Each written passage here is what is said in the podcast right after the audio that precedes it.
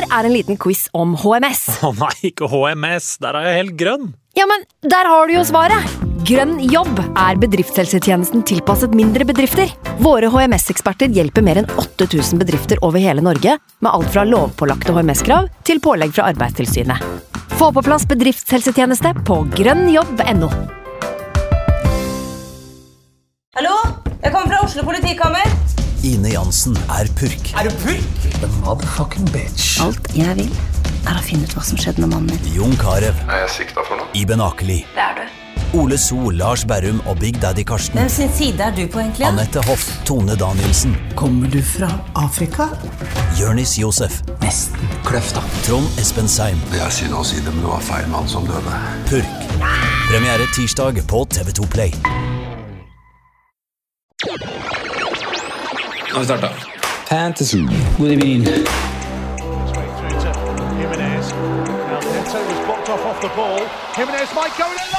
God evening.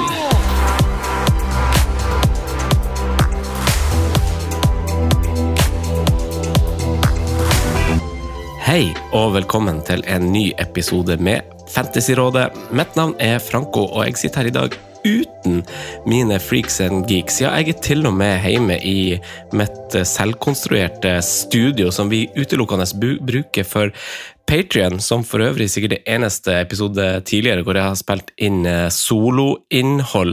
Så hvis du vil bli Patrion og høre mer soloinnhold som ikke lenger er soloinnhold, men nå duoinnhold, minst hver uke i form av en bonusepisode, så må du gjerne bli Patrion med å trykke på link i eh, våre bioer. Denne episoden skal være litt eh, spesiell, for vi har landslagspause. og og vi spiller jo vanligvis ikke inn episode da. Eh, han Sondre han er på treningsleir i Tyrkia, og han Simen han jobber. Og det her er i dag min jobb, det å spille inn det innholdet her.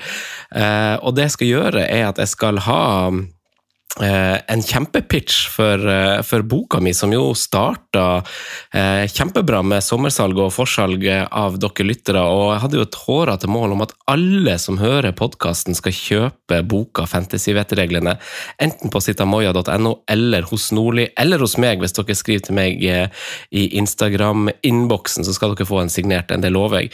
Eh, nå har det vært farsdag, så det er for sent for dere som skal ha farsdagsgave, men det er ikke for sent for julegave, og det er ikke for sent for bokhylla, og det er ikke for sent for deg sjøl. Jeg anbefaler den boka eh, til alle som lytter. Det er jo mitt hårete mål, som sagt, at alle som lytter skal kjøpe denne, og salget starta bra. Men eh, hvis, eh, hvis målet er at alle som lytter skal kjøpe den, så har vi en vei å gå. Eh, men jeg anbefaler den på det varmeste. Jeg har lagt inn masse, masse tanke i den. Eh, masse tid, effort og gode intervjuer som jeg skal lese litt eh, høyt i dag.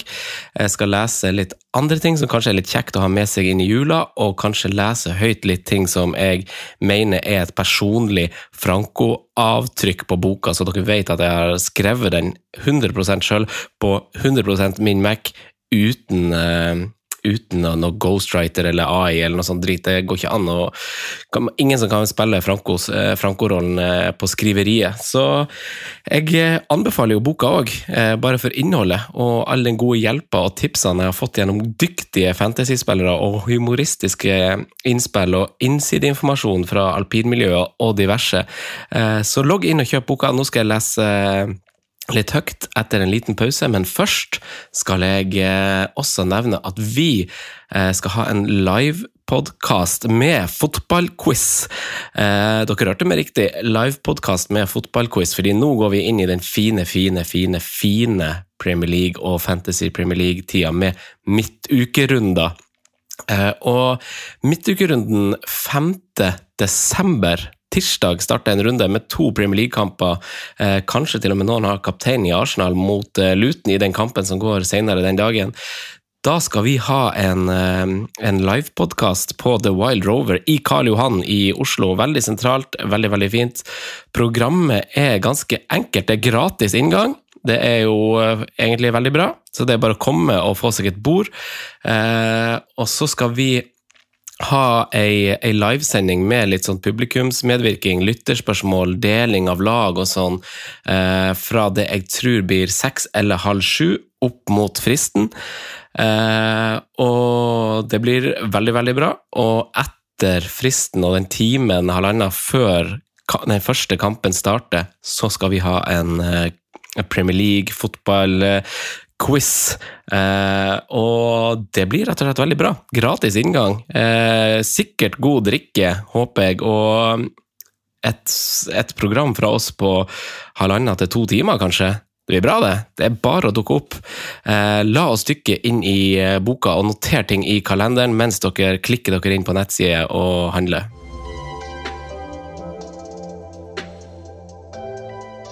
Ja, boka starter jo med selvfølgelig ei fantasy-ordbok. Du kan ikke spille fantasy og ikke bli, ikke bli et offer, holdt jeg på å si, for, for uh, engelske ord som flettes inn i våre setninger. For det er et universelt språk, mange av de ordene og begrepene med bandwagon, big at the back, bussteam osv. Og, så og ikke minst uh, pick, som kanskje er det ordet jeg er mest imot å, flytte, å flette inn. Uh, i, i, vårt vokabular.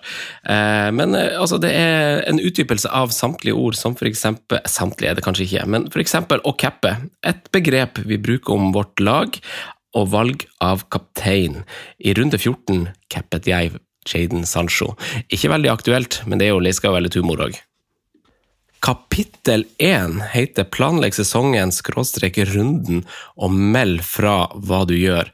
Eh, det er innledning til spillet, så kanskje ikke for den mest meritterte spilleren, men jeg prøver å treffe alle med, med boka, og prøver å, å være, lære alle et eller annet, eller ha en påminner for et blemme du kanskje ikke skal gjenta, tenker jeg.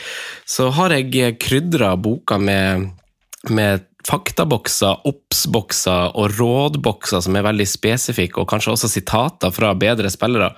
Eh, og allerede tidlig i første kapittel så har vi følgende obs-boks. Nye spillere fra andre ligasystemer har en tendens til å bli en smule lavere prissatt, til tross for god leveranse hos tidligere klubb. Sala, Bruno Fernandes og vår kjære Erling Braut Haaland er gode eksempler på dette, mens Timo Werner kan være et eksempel på at rabatt ikke alltid innebærer en god deal. I de første kapitlene så har jeg inkludert eh, Eirik Jokkerud, som, eh, som, har sin beste FPL-plassering på 187.-plass verden over. Helt supert, og nummer to i Eliteserien Fantasy. Og I tillegg så har jeg stilt eh, Jørgen Stenseth, som har 181.-plass, som sier best i FPL. Det er jo helt eh, prima. Jeg har jo inkludert veldig mange for intervju osv. Grunnen til at jeg valgte å gjøre Jørgen og Eirik til sitat, er rett og slett at de var så treige å svare. At, at, det måtte bli sånn de ble fletta inn og ikke fikk sine egne sider. Men de har allikevel fått delt sin gode informasjon. Jeg kan ta et sitat fra, fra Eirik om starten av eh, sesongen. Ved start av sesongen så tenker jeg veldig ofte på struktur og hvordan jeg skal bygge opp laget verdimessig. Som regel er det én eller to premiumspillere som må med, og de vil da automatisk bli de spillerne man bygger laget rundt. Det er viktig å ha med et par alternativer som kan være kaptein i de fire-fem første rundene. Jeg tenker at dette har vært en fin runde å dekke et tema vi var innom i boka, faktisk, eh, som var Big at the back, som jo fikk litt medvind som begrep for en stund tilbake. Og det handla om eh, forsvarsspillere som fant en tredje måte å få Eller ikke en tredje måte, men de har jo tre måter å få return på, med, med clean sheet, assist og scoring. Eh, men de ble jo straks mer aktuelle og mer målfarlige ved tida, og derav ble de dyrere. Og det ble en strategi å kjøre litt dyr, dyrt inn bak fra det som egentlig har vært eh, Man har vært opptatt av et billig forsvar. Eh, og så syns jeg det er en fin runde å se på den eh, generelle tendensen med det med clean sheets, for vi kommer ut av en runde nå med ganske få clean sheets, og den sprakk over en lav sko. Men det er jo ikke uvanlig. Jeg har tatt et lite eksempel her. Hør nå. Den generelle tendensen er at selv de beste lagene ikke holder nullen i mer enn halvparten av kampene gjennom en sesong, men du finner naturligvis unntakene, f.eks. City. Eh, for en stund tilbake. Til tross for fabelaktige sesonger i form av antall clean sheets, så er det vesentlig å huske at antatt svakere lag skårer mål også de.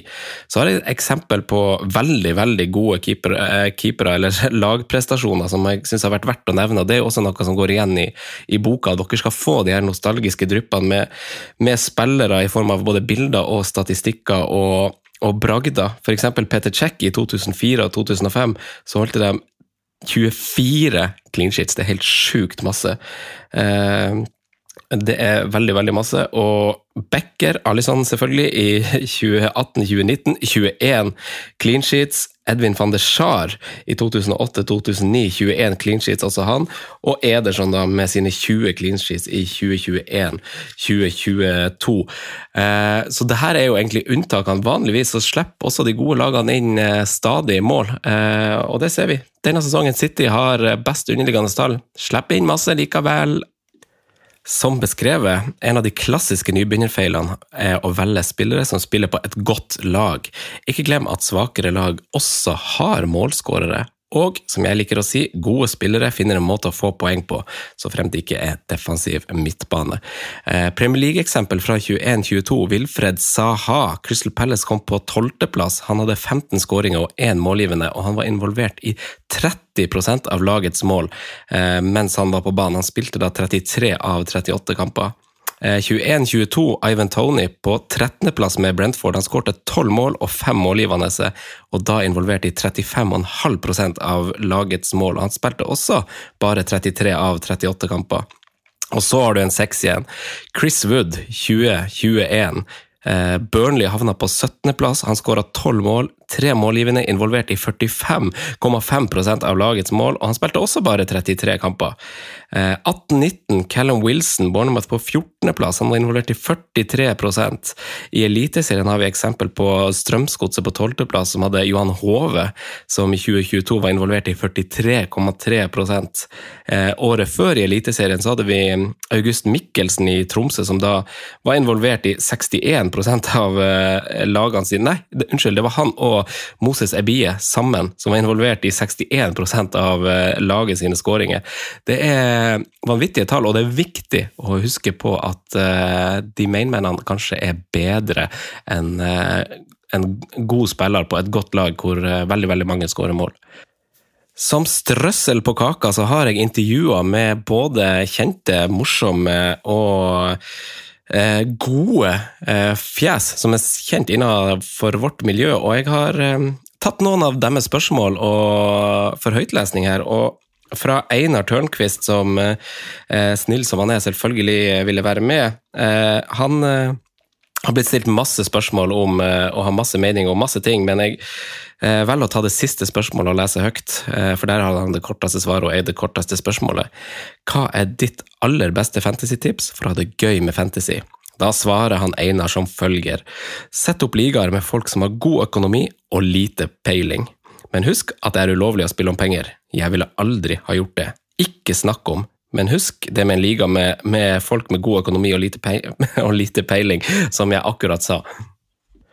Kapittel to tilpasse sesongen og laget etter evne og mål. Eh, viktig her vi er akkurat nå, eh, føler jeg, hvor noen har fått en god start og andre ikke har fått en like god start. Eh, skal vi se, vi kan ta litt om det òg. Eh, I fantasy-sammenheng kan det sammenlignes med at poengene ikke går din vei, og at du skal snu deg med å handle nye spillere til laget ditt.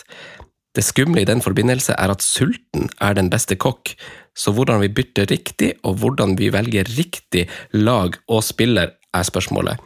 For å besvare det siste først, så er uvisa en manns verste fiende. Ved sesongstart sitter vi med begrenset relevant informasjon, og det vi har å forholde oss til er egentlig bare treningskamper og sesongoppkjøring, foregående sesongsprestasjoner, statistikk og tall, kampprogram og magefølelse. Og her går vi jo inn på veldig masse eksempel på, fra Rosenborg, Brann, Everton, lag som, eh, som har gjort en så og så sånn og sånn eh, sesongoppkjøring, og hvordan det gjenspeiles i eh, sesongåpninga. Eksempel så har vi jo Leicester. På bakgrunn av sesongoppkjøringen knyttet til 22-23-sesongen hadde Leicester all grunn til å ha troen på kommende sesong. Seier mot Hull, Derby, Preston og Sevilla dannet dog ikke et riktig bilde av utgaven som skulle åpne Premier League-ballet på vegne av klubben fra The Midlands. Etter uavgjort i sesongåpninga tapte klubben de påfølgende seks kampene. Sesongen endte med nedrykk for Leicester med FPL-kjenninger som James Madison, Jamie Vardy og Harvey Barnes. I dette kapitlet så har jeg også snakka om eh, det litt omstridte begrepet form over fixtures, som er veldig aktuelt synes jeg, når vi går inn i en juleperiode nå. Eh, og Man går litt mer i dybden på det, og jeg snakka med en Uefa A-trener som har eh, x antall benken, han ville være anonym, x antall kamper på benken i Eliteserien her i Norge. Form over fixtures er en term som er hyppig benyttet innenfor fantasy-miljøet. Baserer du dine inn- og utbytter på lagets kampprogram, eller baserer du dem på enkeltspillernes form? F.eks. Cole Palmer, Cole Palmer i disse dager. Selv de lærde strides om hva som er den riktige tilnærmingen, å forholde seg til spillere som er i form, eller spillere som har et appellerende kampprogram.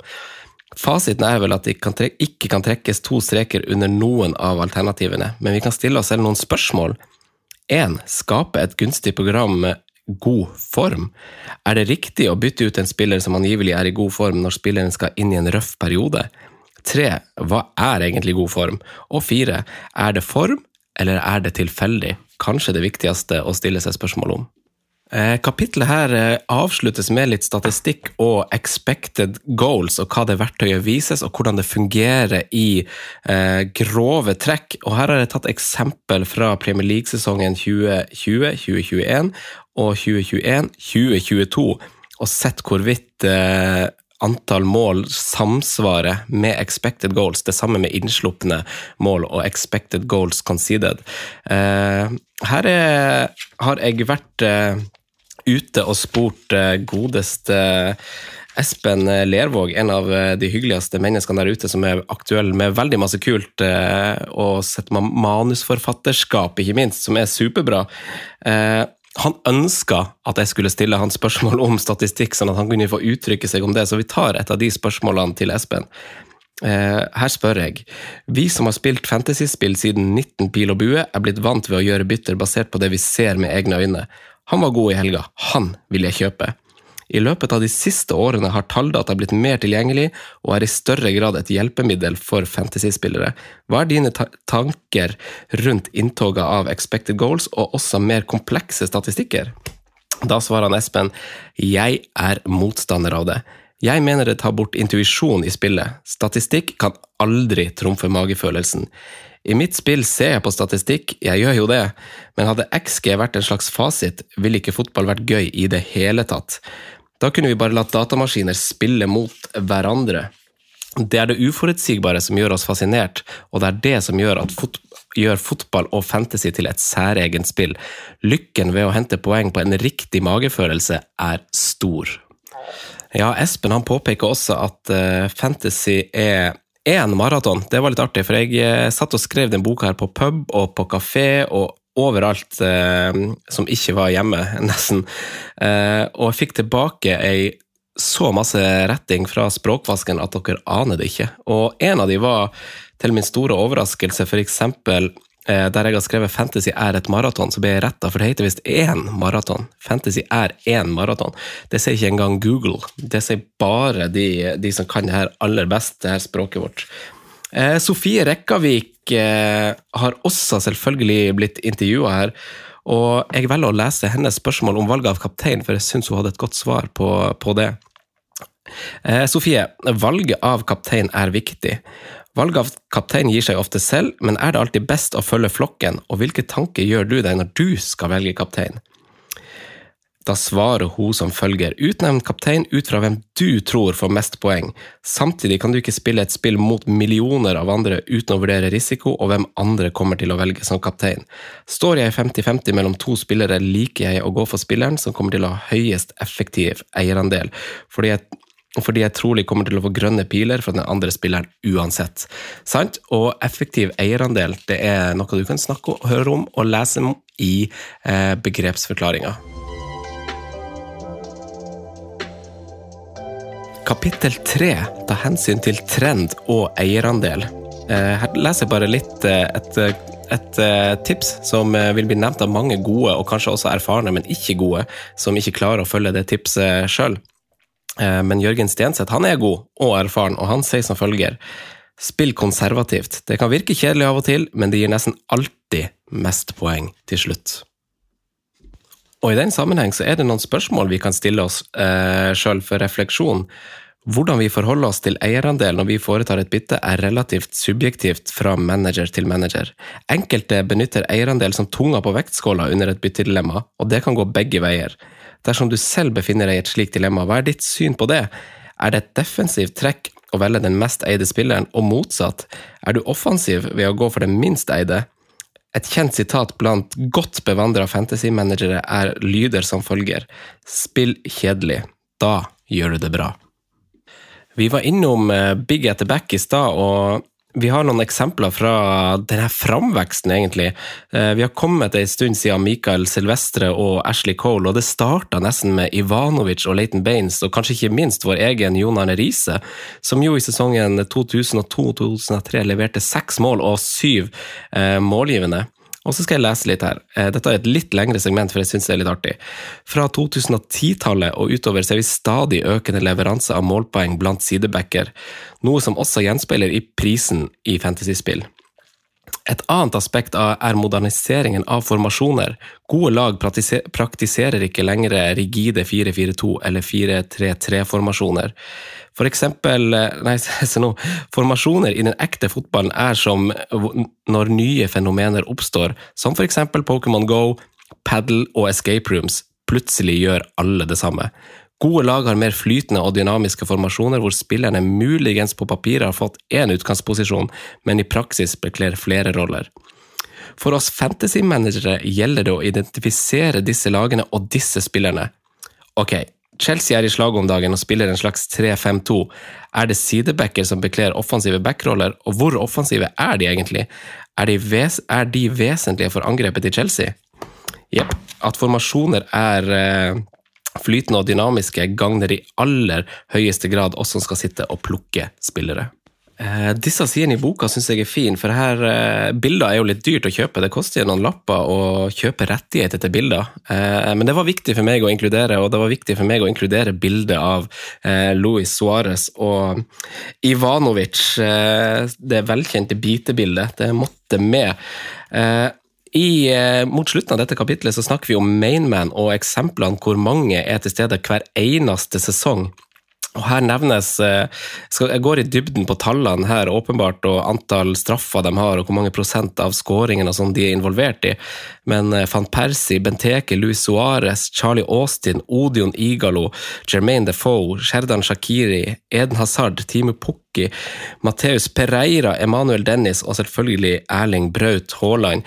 Det er noen av disse folkene som bare er involvert i kjempemange skåringer for, eh, for sine lag. og på tross av å ha spilt på, på altså f.eks. Benteke. Eh, den sesongen husker sikkert mange fra 2012-2013, da han var i Aston Villa. Han skårte 19 mål, tre straffer og fire målgivende, involvert i 58% av lagets mål mens han var på banen. Han starta 32, spilte jo da med Jack Grealish der også. Dette var jo for øvrig sesongen Michu, Loa Remy, Dimitar Berbatov, Tarapt og Lukaku, som da spilte i Westham denne sesongen. Helt rå sesong jeg har hatt en god runde denne runden inn i landslagspausen, og det føles godt. En sjelden god en, faktisk. Eh, og da har jeg eh, et passende sitat fra Eirik Jokerud, for det var det som gjorde det for meg. Pass på å ha et solid fundament med åtte spillere. Bygg templet med disse åtte, og sørg for at det er korte veier til andre jokere og differ på de tre siste. Om vi kun har det samme laget som alle andre, vil vi også ende likt med mange andre. Jeg har både feilet og lyktes med strategien i flere år, og har endt på både riktig og feil side av topp 10 000 i FPL og topp 100 i Eliteserien Fantasy. Eirik Jokerud. Så er det noen andre fundamentale ting, eller måter man kan skaffe sin egen flaks på. Du kan jo selvfølgelig tenke på hvem tar dødballer, hjørnespark og straffespark? Hvem blir aldri byttet ut? Altså du kjøper trygge spillere, eh, altså sånn som Gabriel i forsvaret til, til Arsenal og Timikas når Robertsen er skada, sånne spillere som du vet spiller, sant? Eh, skap din egen flaks og kom i forkant ved å ta gode, skråstrek kjedelige valg. Gode lag skårer mange mål hver eneste sesong og finner nettet på alle mulige slags måter, også på dødball. Alle lag er i større eller mindre grad et dødballag. Hvem ønsker vel ikke å utnytte en gratis mulighet til å få lempet ballen inn i motstander 16? Og her har jeg noen eksempler fra topp og bunn de siste fire sesongene som eh, er vel verdt å, å lese. Eh, fordi at det er Det var research som egentlig fikk meg til å bli litt sånn wow, stilig. Her har jeg selvfølgelig bilde av en godeste James Ward Prowse, som jo leverer assist på assist på assist og puster Beckham i frisparknakken. Eden Hazard er med her, Riyad Mares, Rashford. Eh, det er spillere som eh, huskes av veldig mange på både godt og vondt i, i fantasy-sammenheng, tenker jeg. Apropos gode og dårlige minner i FPL-øyemed. Eh, jeg har et bilde av Richarlison her. Jeg måtte ta det bildet med fordi jeg syns eh, Beklager. Han har gått fra å være helt til troll, og det er jo også et eget kapittel jeg skal komme tilbake til, men han feirer jo eh, på et tidspunkt med, hvor han viser tatoveringa si på ryggen, og det bildet måtte jeg ha med, for den tatoveringa der, den, jeg vet ikke om jeg er helt rå eller helt sjukt fæl. Dette kapitlet avsluttes med et miniintervju av eh, sikkert den beste fantasy-manageren i Norge. Jeg har, eh, snakka med to av de beste, og han er jo en av verdens beste. Han har sikkert vært nummer én i verden òg. Finn S heter han, så følger han på Twitter. Eh, her er hans ti siste sesonger.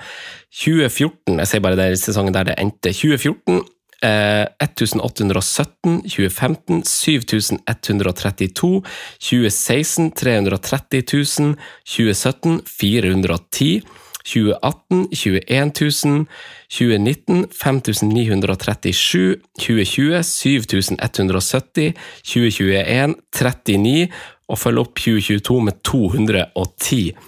Helt sjukt. Han har tre eh, tresiffersesonger på seks sesonger. Det er jo helt sprøtt.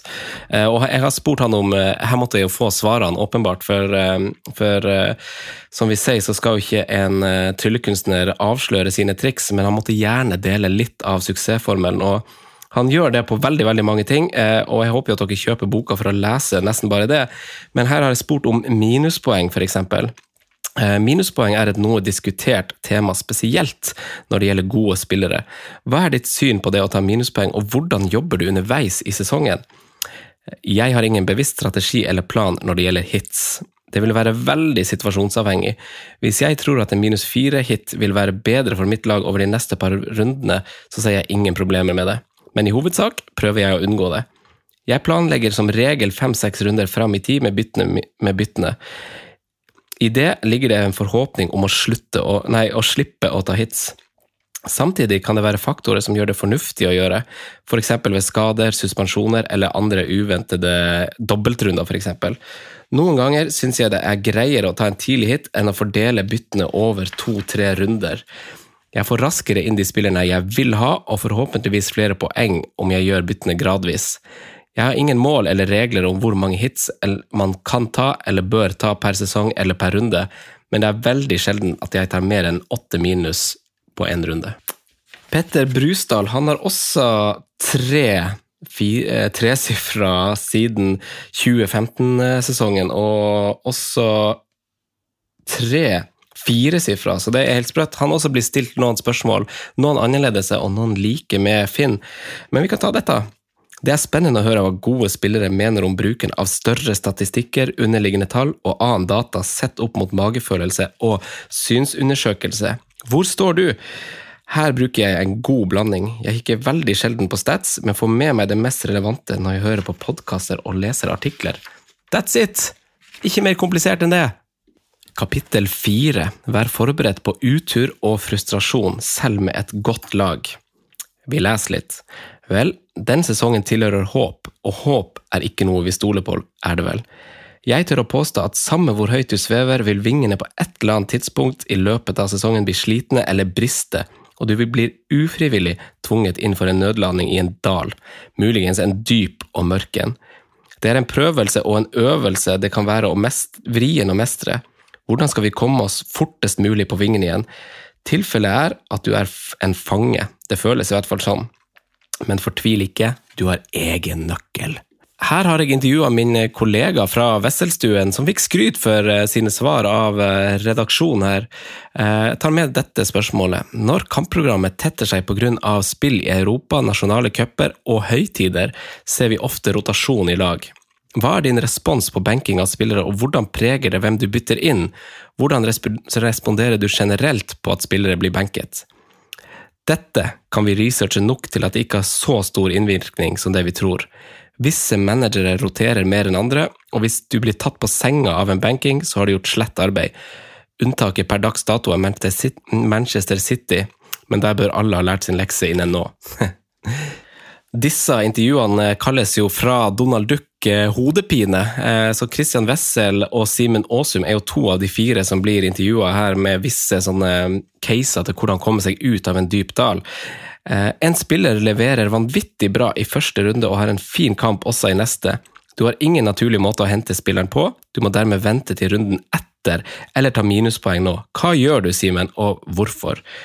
Jeg føler at settingen ofte blir situasjonsbestemt, men kan si at jeg som regel er ganske aggressiv spiller og vil angripe ved å ta minuspoeng for å gjøre de nødvendige byttene.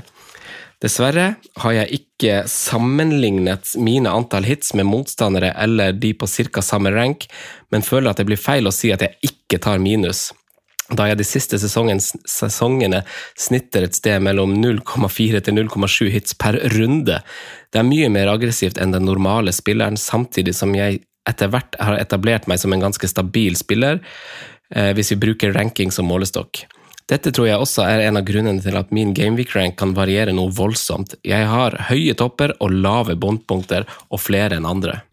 Martin, snille Martin, som jeg bruker anledning til å skryte av hver eneste gang. For da vi starta Fantasyrådet, og da trodde jeg var den eneste fantasypodkasten i Norge fordi eh, Wildcard-land er, så starta Kim og Christian etter det igjen. Eh, men da hadde vi allerede starta, og det var plass til to, og det er jo helt konge. Men Martin han uansett ringte meg for å gi meg tips. Jeg kjente ikke han. Jeg hadde besøkt uh, Jon Roar et par ganger på vors, og da bodde han med Martin, og da gikk vi inn et vindu på Grünerløkka. Det er det eneste jeg husker fra Martin. Han hadde også ei um, José Mourinho-maske som han uh, hadde hengende på veggen. Så et vekslende førsteinntrykk, men et veldig godt andre, tredje, fjerde og femte inntrykk av Martin. dette er et av spørsmålene han har fått. Når kampprogrammet tetter seg pga. spill i Europa, nasjonalt, det er det samme som jeg har valgt å ta med, for han hadde et litt annerledes svar enn han Christian. Eh, noe av det aller viktigste med fantasy fotball er å forutse hvem av de litt mer marginale spillerne som får fast plass i laget. I 2022-23-sesongen har jeg ved tre anledninger gått for en keeper som kort tid etter har mistet plassen. Da nevner han Ward, Mendy og Sanchez. Selv ikke på keeperplass kan man være trygg. Jeg tror uansett at ingen av oss og nordmenn som følger dette sirkuset fra avstand, har noen forutsetning for å spå lagoppstillinger basert på hvem som spilte på lørdag og hvor mange minutter han fikk i Champions League på onsdag. Jeg tror spillerne vil spille mest mulig, har perfekt restituering og at de tåler å spille 60 kamper på én sesong. Da blir pressekonferanse det siste fornuftige jeg kan lene meg på, samt leaks fra journalister eller kampstart. Alt annet er verdiløst, det velger jeg ikke å bruke energi på. Min metode blir derfor å alltid ha en spiller eller to plassert på benken. Spillere som jeg er helt komfortabel med at kan få et innhopp i mitt fantasylag. Sondre han slipper ikke unna hodepine, han heller. Eh, her er hans spørsmål. Eh, en spiller du eier, leverer vanvittige underliggende tall, men skuddene går i stolpen og opp på tribunen. Kan vi tenke på en spiller som nå plages litt med det, eller? Folk som ikke følger tall eller kamper tett, bytter ut spilleren og hopper på spillere som er potensielle bandwagons. Hva gjør du, Sondre? En klassisk case jeg har stått i utallige ganger, og kanskje de vanskeligste og viktigste. Jeg har ofte blitt et offer for tålmodigheten, tålmodigheten og latt det gå to-tre runder for, my for mye før jeg kvitter meg med spillere. Her kommer C-fotball inn i bildet. Underliggende tall er noe, men hvordan spillerne ser ut er noe ganske annet. Ved å se matcher og høydepunktpakker kan du få den riktige hjelpen til å bikke slike avgjørelser riktig vei. Spillernes kampprogram er også relevant. Skal spillerne inn i en tøff rekke, da er det kanskje greit å, å bli med mengden over på noe annet. Ser kommende kamper fortsatt grei ut? Har, har spilleren som differensial vei, på veien videre? Kanskje. Om det finnes andre åpenbare alternativer, er også en viktig faktor. Hopper alle videre til én og samme spiller som har begynt å levere, bør kanskje du også bli med? Avslutter med et refleksjonsspørsmål der, pedagogen Sondre. Dette kapitlet avsluttes med et intervju med Kjetil Jansrud, som jo egentlig kanskje var den vanskeligste personen å få, få liksom kontinuerlig, jevnlig prat med. Eh, og til slutt så purra jeg han med en mail Eh, for jeg har møtt han ved tilfeldigheter to ganger ute på byen, og begge gangene har vært på Horgans, RIP. Eh, og da var mailen jeg skrev til han, var Eh, synd at Horgans er stengt, og så hadde jeg bare sånn trist emoji. Og det svarte han på. Da skrev han bare 'Horgans er stengt, men det er ikke Kjetil Jansrud'. Så jeg har stilt han et spørsmål her, for han er veldig ivrig, og han avslører jo litt om hvordan det er i alpinmiljøet, og hvordan forhold de har til fantasy. Men jeg har spurt han om det her, blant annet. Overtenking er en klassisk feil. Vi kverner så mye over et valg at vi ender opp med noe helt annet. Hva mener du man kan gjøre som Nei, hva mener du man ikke bør gjøre som fantasyspiller? Ok, han har et ganske godt svar. Du burde ikke bruke chips for tidlig. Det kommer runder hvor du vil få bruk for dem, spesielt i andre halvdel av sesongen. Du bør, bør ikke gå vekk fra å eie spillere som alle andre har. Det lønner seg aldri. Du har ikke lyst til å ha på Haaland fordi så mange har han. Idioti. Du bør ikke ta minus fire for spillere du vil ha. Du skal, du skal til nød ta minus fire for en spiller som er skadet og som du bare må bytte, men erfaringsmessig er det lurere å vente til du får nok free transfers. Du bør ikke endre systemet ditt. Det er enkelt å bytte spillere i henhold til form, gjøre endringer fortløpende, men som da ofte ender opp med et varierende antall premiumspillere i løpet av en sesong. Én, to eller tre premiumspillere setter, to setter tonen for resten av laget, og følger du ikke formelen din, mellom wildcards riktignok, påpeker han her, vil du etter hvert få mye matjord og en vanskelig kabal. Kapittel 5. Ta med nødvendig utstyr for å kunne hjelpe deg selv. For de som ikke har skjønt det, så er jo dette et spill på, på fjellvettreglene som vi er så glad i eh, på innsiden av eh, Kvikk Lunsj-pakka der. Eh, Men her, vi leser litt av starten fra dette kapitlet. Vi kan også flette inn punkt seks fra fjellvettreglene mens vi har dette som tema. Ta trygge veivalg, gjenkjenn skredfarlig terreng og usikker is. Du er til syvende og sist din egen lykkes smed. Så når det gjelder å se etter de faretegnene som sunn fornuft og erfaring vil gi oss, det er flere skjær i sjøen. En følelse vi jobber med å unngå, er følelsen av nervøsitet i forkant av offentliggjøring av et laguttak. Dersom vi er nervøse eller for spente på et laguttak, har vi mest sannsynlig valgt en spiller som er A. skadeutsatt eller B. i rotasjonsfare. Siden vi nå er i en landslagspause, så kan vi jo også ta et råd fra en av de boksene som skiller seg ut og skaper litt farge og luft i, i boka. Råd. Ikke bytt tidlig i en landslagspause. Hvor trygg er du på at spilleren kommer helskinnet tilbake fra oppholdet, og hvor langt har egentlig spilleren reist? I dette kapitlet så snakkes det masse om juleprogrammet, rotasjon, hvem som roteres, eh, hvordan det har gått, og hvordan jeg prøver å spå eh, hvem man tror eh, spiller. Eh, det er rett og slett eh, eh, også ganske interessant. Kjøp boka hvis du vil lese det. Og så kom kommer vi til et, en del i boka som heter Helter og troll, som jeg er veldig glad i. For her har jeg dypdykka i visse spillere, og den første vi skal fram til her som pryder bildesida, er jo Patrick van Anholt og Sergio Aguero, som vi først og fremst husker med, med positivt fortegn. Og jeg har tatt med noen ikon her som jeg har som sagt dykka i historien til, leveransen til. Eh, og så videre. Jeg håper dere koser dere, og det får dere til å trekke litt på smilebåndet, samtidig som dere kanskje får litt faktakunnskap til, til å kjøre på en quiz i jula for venner og familie på, på en slags romjulsfest eller gathering. Det er alt fra ikon som Dimitri Payet, ikonene i Spurs da Ali Bale og Kane var der, Lundstrøm. Masse bra. Og så kan vi lese litt om om en av de kjekkeste som kanskje i hvert fall har vært i Blackburn, eh, Rocke Santa Cruz. Jeg har, jeg skrev at han huskes som kjekk one hit wonder. Forhistorie. Vi som har spilt championship manager, vil nok huske Santa Cruz fra tiden han var i Bayern München, hvor han konkurrerte mot angrepsspillere som Giovanni Elber, Karsten Janker, Claudio Pizarro og Lucas Podolski, i tillegg til Roy Mackay og Paulo Guerrero. Paraguayaneren var ingen notorisk måljeger i Tyskland, men slo virkelig ut i full blomst da han ble signert av Blackburn og Mark Hughes, hvor han ble lagkamerat med Morten Gams Pedersen, blant annet. Og Her kommer litt om leveransen. Benny McCarthy, for dem som husker han, hadde 18 nettkjenninger. Ingen målgivende, riktignok, eh, sesongen i forkant, men skulle bli overgått av Santa Cruz i 2007-2008-sesongen. Med sine 19 mål og syv målgivende ble Santa Cruz en legende i mange spøker, men denne sesongen skulle vise seg å være unntakets snarere enn regelen. Han ble etter hvert hentet av City, hvor han på ingen måte lyktes før han søkte nye muligheter i Spania.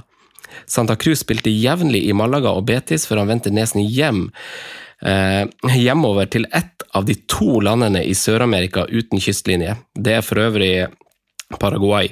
Eh, og barndomsklubben Olympia Asuncion. Han fant tilbake til 2007-versjonen av seg selv på hjemlige trakter og skåret jevnlig med mål i en årrekke.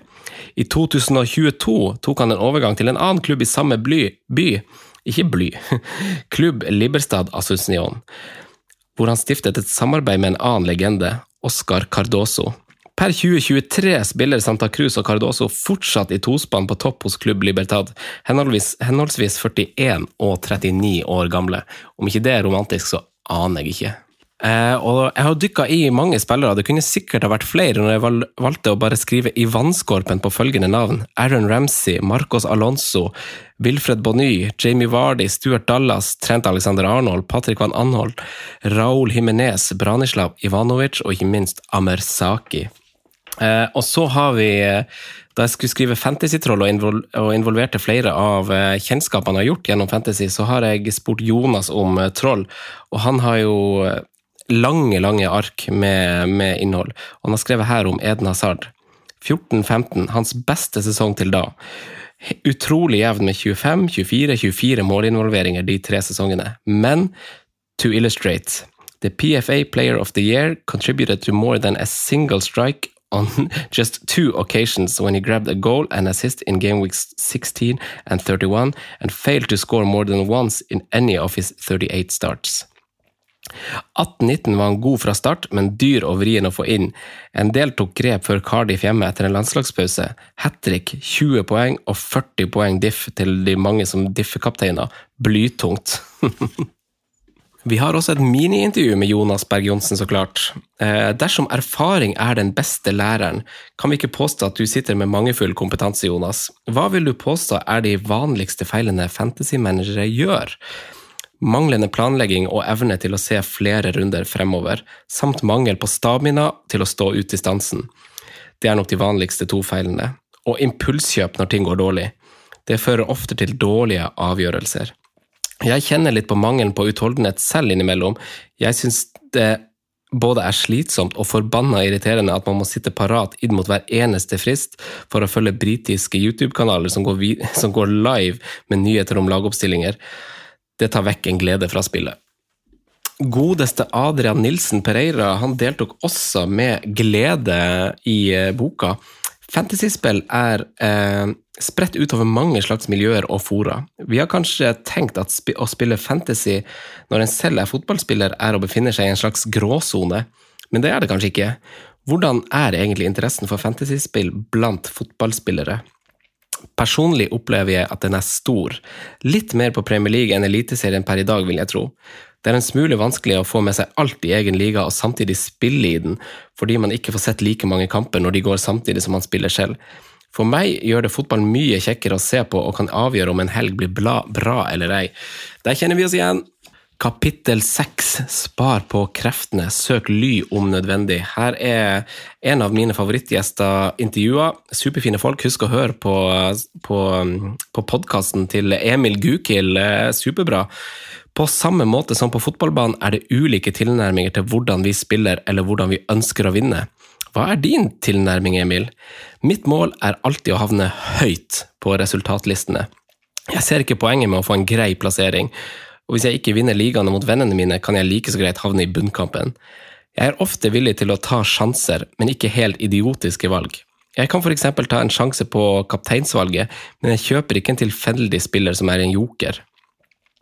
Med mange runder i løpet av en sesong sliter jeg også til tider med å rekke eller huske alle fristene, derfor har jeg begynt å sette på en alarm på mobilen hver uke for å minne meg selv på at det nærmer seg deadline.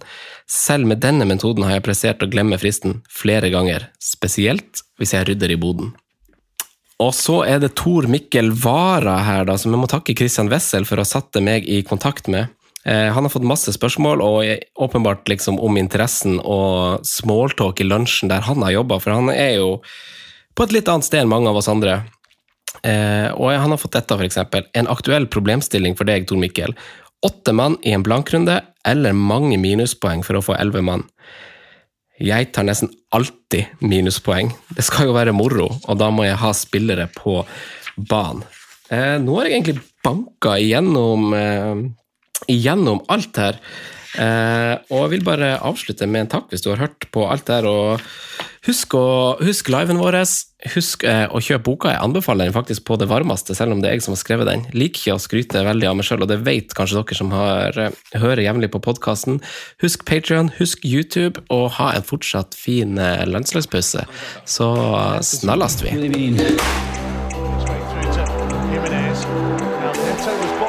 the ball. Jimenez might go in